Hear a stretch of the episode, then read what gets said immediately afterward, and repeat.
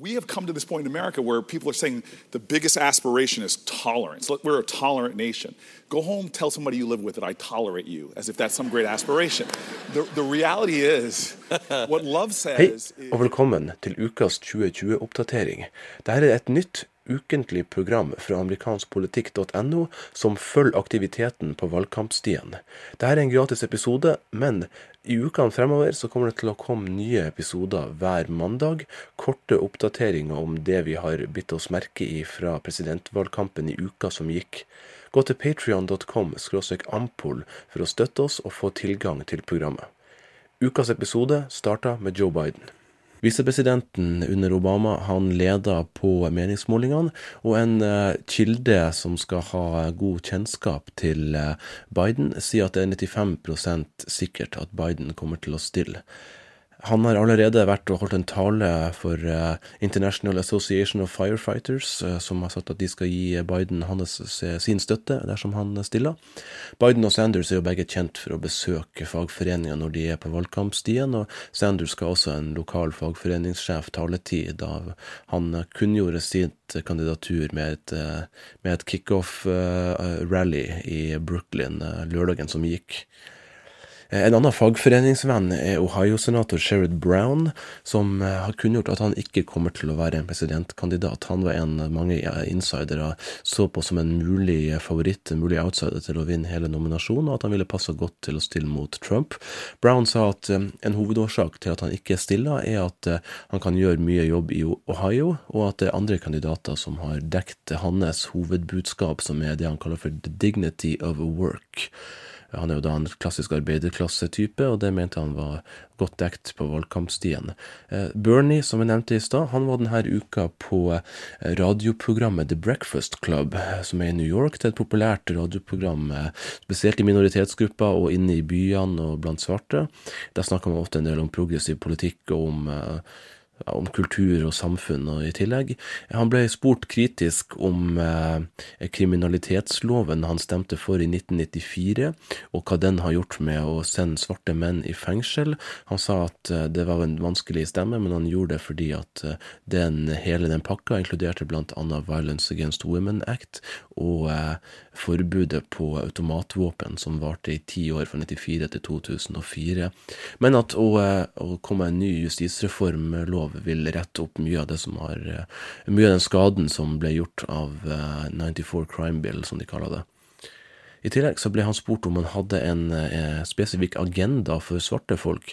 Da svarte han at eh, svarte eier mindre, de har høyere barnedød, verre helse, eh, de blir arrestert oftere, og at det er mye som han ønsker å fikse. Og da fikk han det her oppfølgingsspørsmålet. Any legislation we can point to?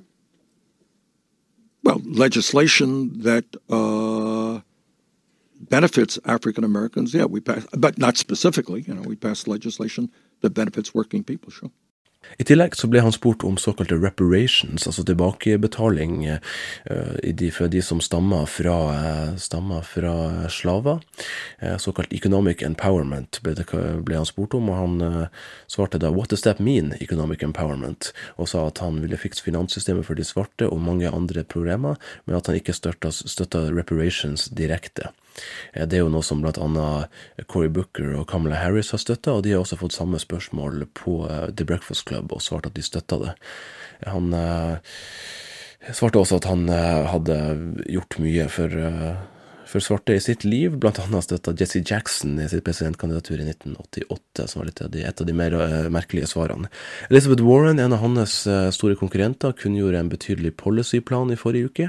Den skal blant annet bryte opp flere av teknologiselskapene, og Amazon og Google vil bli truffet hardest av det, sånn at de ikke kan uh, ha monopol, er en av årsakene.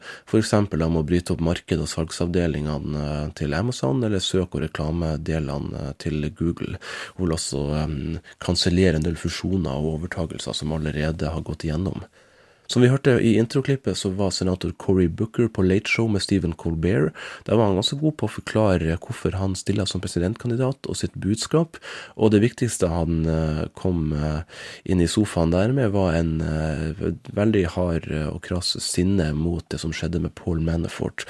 Hans dom på kun fire år, når det var anbefalt av aktoratet 19 til 24 år. Og han sa at det var et godt eksempel på hvorfor justissystemet er ødelagt, og hvorfor det er urettferdig mot fattige, mot eh, minoriteter, mot de svakere stilte i samfunnet. Harry Enton, som er en valganalytiker på CNN og tidligere for 538, hadde en interessant tweet om presidentkandidaten Andrew Yang, som jeg vil nevne. Yang eh, stiller eh, på UBI, eller Universal Basic Income, Freedom Dividend, som han kan kalle det, 1000 dollar til alle amerikanere over 18 år i måneden. Eh, der skrev Enton at Yang hadde samla inn 571 000 dollar i februar i donasjoner, som gjør at han er godt på vei til å kvalifisere seg til den første debatten som er i juni. Og Harry Anton skrev da I'm going to bet that's more than some candidates many take more seriously. Og Yang er en eh, outsider som jeg tror kan, kan gjøre det godt.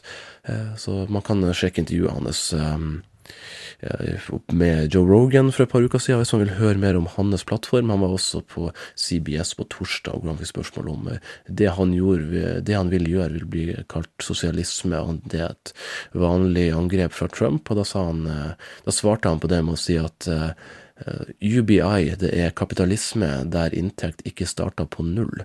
Vi får vite mer om kandidatene og hva de har samla inn 31.3. Da vi får vi se alle tallene fra FEC, Federal Election Commission. Det kommer hvert kvartal, må man sende inn de tallene. Da vet vi hva folk har samla inn og hvor ståa ligger.